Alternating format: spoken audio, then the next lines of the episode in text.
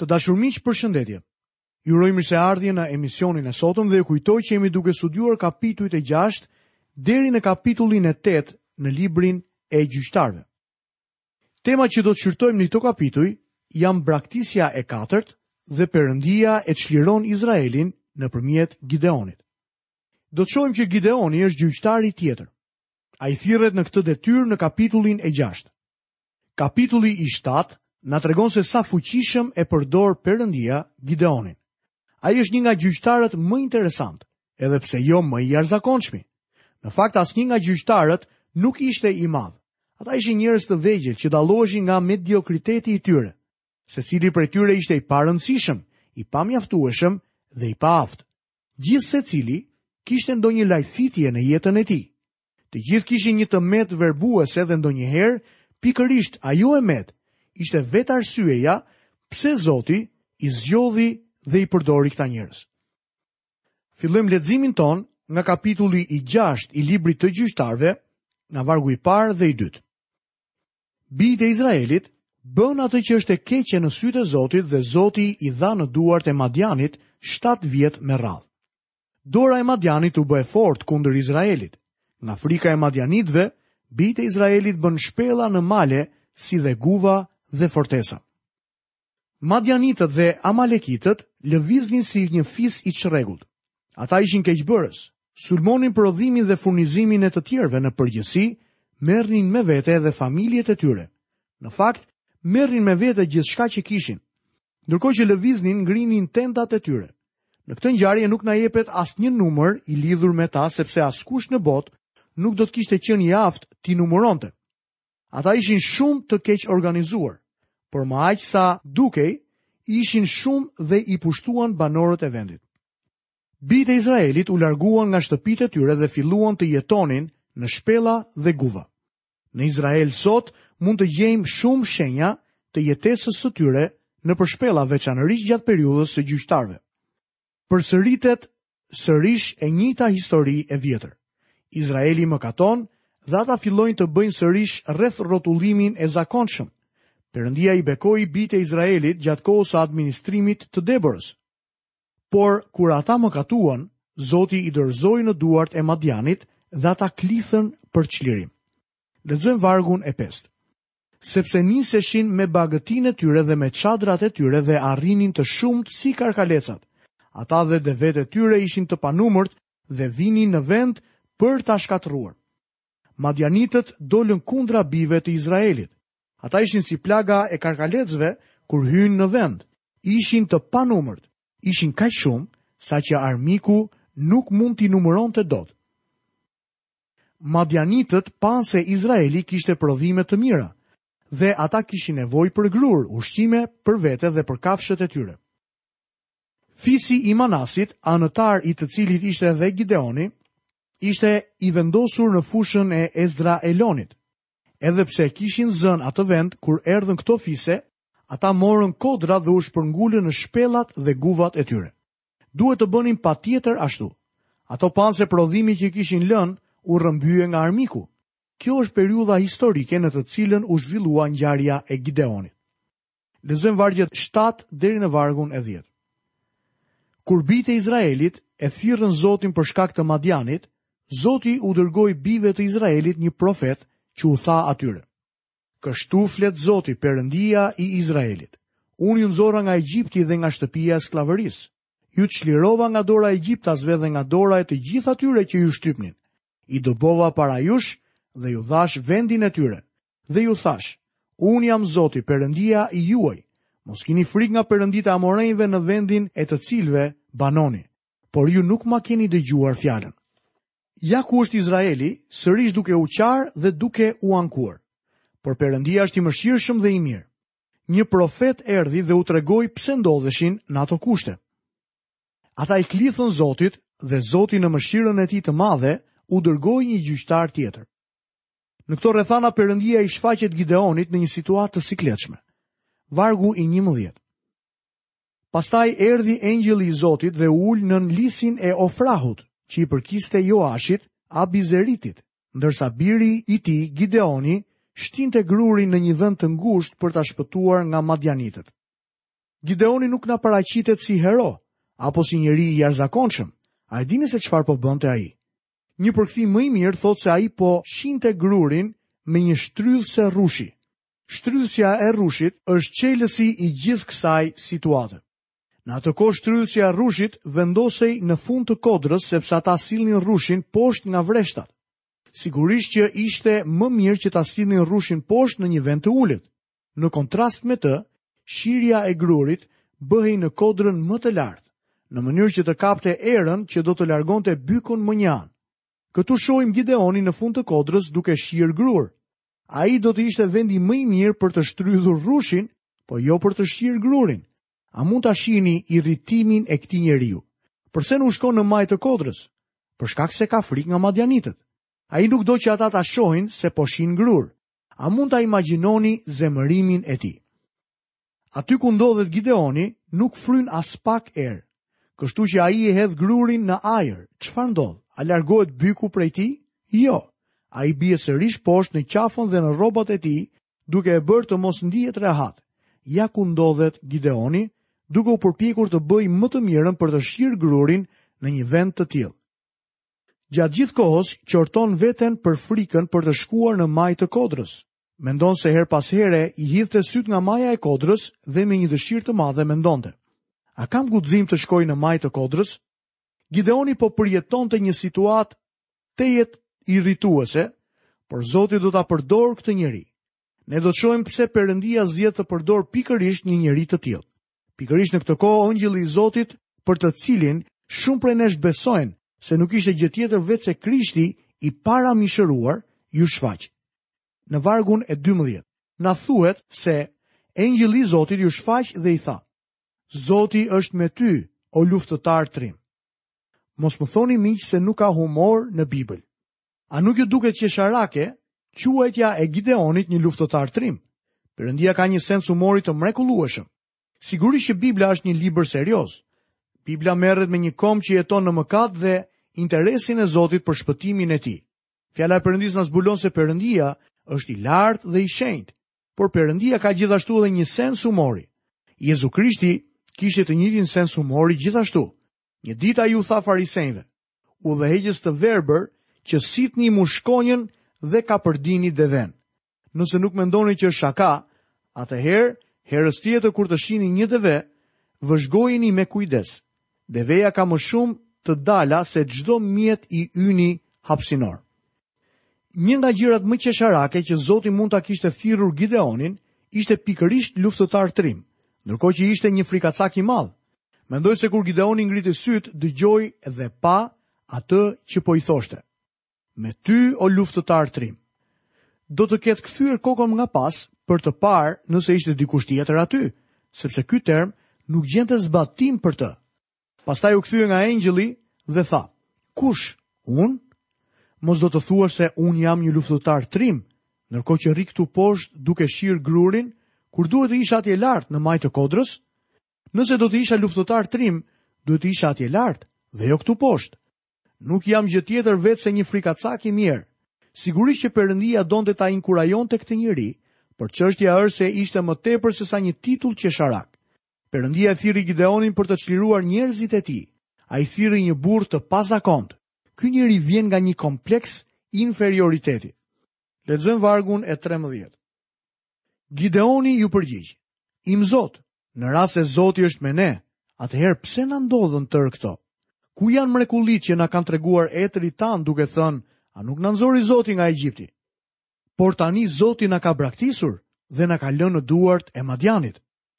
Engjëlli i Zotit nuk tha se ishte me Izraelin në atë kohë. Ai tha se ishte me Gideonin. Në fakt, ai nuk ishte me Izraelin për shkak të mëkatit të tyre. Zoti tha, Zoti është me ty. Numri njëjës me ty Gideon. Por Gideoni nuk mund ta besonte se Zoti mund të ishte me të. Ai dëshiron të dijë se ku janë të gjitha mrekullitë që i kanë treguar të parët e tij. Ai besonte se Zoti e kishte braktisur Izraelin dhe ishte po aq i gabuar sa çdo njeri tjetër. Në të vërtetë, Zoti nuk i kishte braktisur. Ata e kishin braktisur atë. Ky njeri ndodhet në një gjendje të keqe mendore dhe shpirtërore. Në fakt, jo vetëm që kishte komplekse inferioriteti, por ishte edhe skeptik, cinik, i dobët dhe burracak. Ja pra, kush ishte Gideoni. Por sot për të jepet një përshtypje e gabuar, kur përshkruhet si fisniku me armaturë të shndritshme si Lanceloti apo Galahadi. Miku im, ai nuk ishte gjë tjetër veçse një Don Kishot që godiste mullinjtë me erë. Gideoni ishte frikacaku më i madh që mund të keni parë ndonjëherë. E megjithatë, Perëndia e thirri. Gideoni me gjithë frikën e tij ishte zgjedhja e Zotit. Lexojmë vargun e 14. Atëherë Zoti iu drejtua dhe i tha: Shko me këtë fuqi që ke dhe shpëtoje Izraelin nga dora e Madianit. A nuk jam unë që po të dërgoj? Kjo është thirrja dhe detyra e Gideonit. Është një detyrë shumë e guximshme. Është interesant fakti që shohim se edhe në këtë pikë Gideoni nuk i besonte Zotit. Vini re se çfarë thotë. Lexojmë vargun e 15. Ai u përgjigj: O im Zot, si mund ta shpëtoj Izraelin? Ja familja ime është më e dobëta e Manasit dhe unë jam më i vogli në shtëpinë e atit tim. Le të shohim për pak çaste pozicionin e Gideonit në mendimin e tij. Në të vërtetë, ai po thotë: Ti sigurisht që nuk po më kërkon ta bëj këtë. Sa për të filluar, unë i përkas kombit të Izraelit. Ne tani ndodhemi nën thundrën e Madianitëve. Kishte qenë një tmerr i vërtetë të ishe nën zgjedhën e Egjiptit, por pa mendoni pak të qenit nën zgjedhën e këtyre fiseve të shkretëtirës, Madianitëve. Ne jemi në skllavëri, fshihemi dhe shiko ku po e shi grurin në rrëzë të kodrës, dhe ja ku vjen ti dhe më thërret. Pastaj fisi i Manasit, njërit prej dy djemve të Jozefit, nuk është shquar për ndonjë gjë. Ne nuk kemi pasur njerëz të spikatur, në fisin e Manasit, familja ime madje as nuk njihet mirë. Ne jemi nga ato lloj njerëzish që s'bëjmë kurrë diçka të mirë.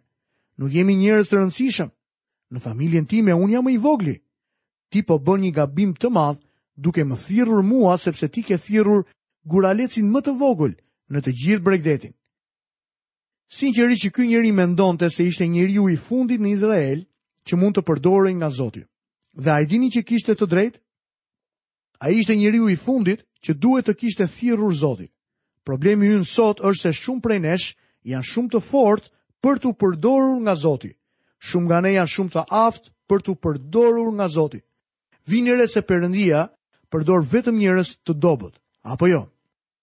Letra e parë e Korintasve, kapitulli 1 dhe vargjet 26 dhe 27, na tregojnë se shikoni në fakt thirrjen tuaj vëllezër. Sepse ndër ju ka jo shumë të ditur sipas mishit, jo shumë të fuqishëm, jo shumë fisnikë, por Perëndia ka zgjedhur gjërat e marra të botës për të turpëruar të urtët, dhe Perëndia ka zgjedhur gjërat e dobëta të botës për të turpëruar të fortët. Perëndia i përdori të gjithë këta gjyqtarë, por jo për shkak se ishin të aftë apo të jashtëzakonshëm. A të inkurajon kjo, miku im. A e di pse Zoti nuk përdor shumë nga ne? Sepse jemi shumë të fortë. Shumë nga ne kanë shumë talent për t'u përdorur nga Zoti. Shumë nga ne sot janë duke bërë vullnetin e tyre dhe duke ecur në rrugët e tyre. Ka me mijëra njerëz të talentuar, të aftë, që Zoti nuk i përdor. A e dini pse? Ata janë shumë të fortë për Zotin. Pali përmend, Dhe Perëndia ka zgjedhur gjërat jo fisnike të botës dhe gjërat e përçmuara dhe gjërat që nuk janë, për të asgjësuar ato që janë, që asnjë mish të mos mburret përpara tij. Ka diçka të gabuar me çdo të krishterë që është krenar.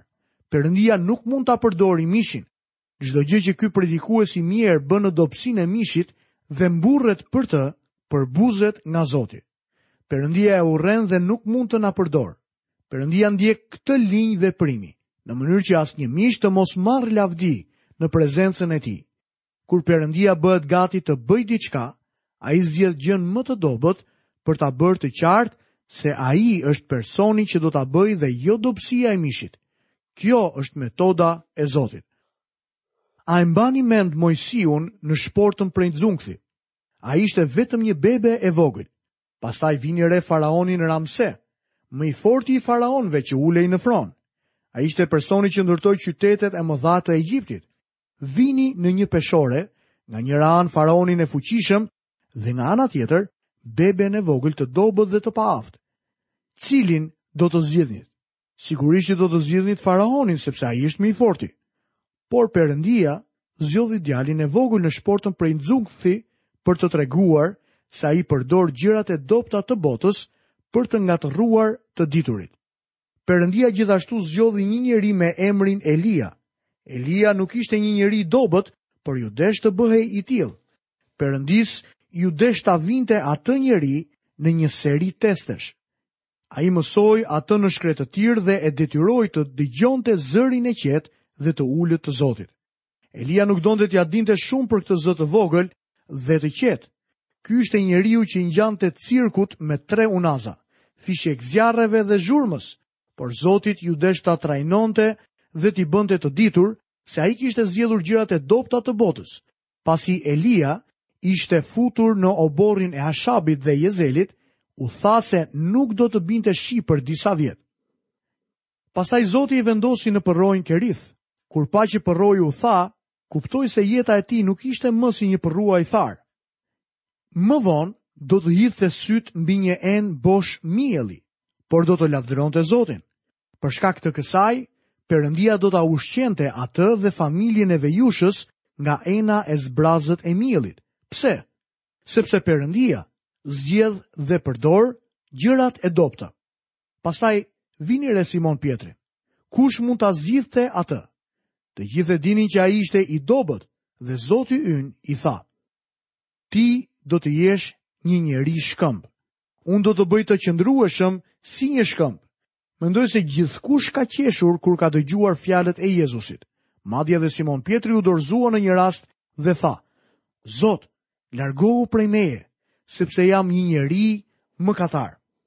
Çfarë ai po thotë është kjo: Pse nuk heq dorë nga unë dhe të shkosh tek ndonjë person tjetër?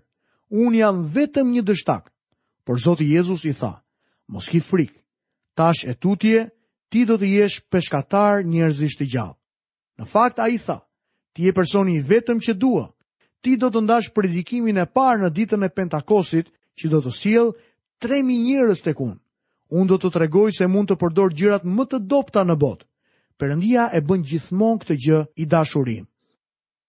Gjëja interesante është se dikush ka thënë se kur Palit iu pre koka në fron ishte Neroni. Në shikimin e parë duket sikur Pali kishte humbur dhe Neroni kishte fituar, por historia ia kaloi vendimit të tij. Njerëzit i quajnë bijtë e tyre Pal dhe qentë e tyre Neron. Kjo është mjaft interesante, apo jo? Perëndia zgjedh gjërat e dobëta të kësaj bote. A e keni krahasuar ndonjëherë atë bebe të vogël në Betlehem me Cezar Augustin, që vendoste taksat dhe gjithë bota e qytetëruar i paguante taksa? Kë do të zgjidhnit? Unë do të zgjidhja gjithmonë taksambledhësin, sepse ai duket sikur ka shumë fuqi, pushtet, influencë, ndikim, autoritet mbi botën në cilën ti jeton. Por në fakt Perëndia zgjodhi atë bebe të vogël në Betlehem, sepse ai ishte biri i tij. Perëndia gjithmonë zgjedh në këtë mënyrë. Edhe pse Gideoni ishte një individ shumë i dobët, Perëndia i tha se ishte personi që do të shkonte për të çliruar Izraelin. Po, Perëndia zgjodhi të përdorte Gideonin, por së pari ai duhet ta trajnonte atë. Gideonit i duhej të kapërcente frikën e tij dhe të zhvillonte guximin. Ai kishte nevojë për besim për ta ndihmuar në forcimin e gjunjëve të tij të pafuqishëm dhe për ta bërë atë të duruar. Do të doja të vinit re disa nga trajnimet që kaloi ai. Ai u frikësua menjëherë, kështu që Zoti i dha atij mësimin e parë. Lexojmë vargun e 23. Zoti i tha, Paqja qoftë me ty, mos ki frikë, S'ke për të vdekur.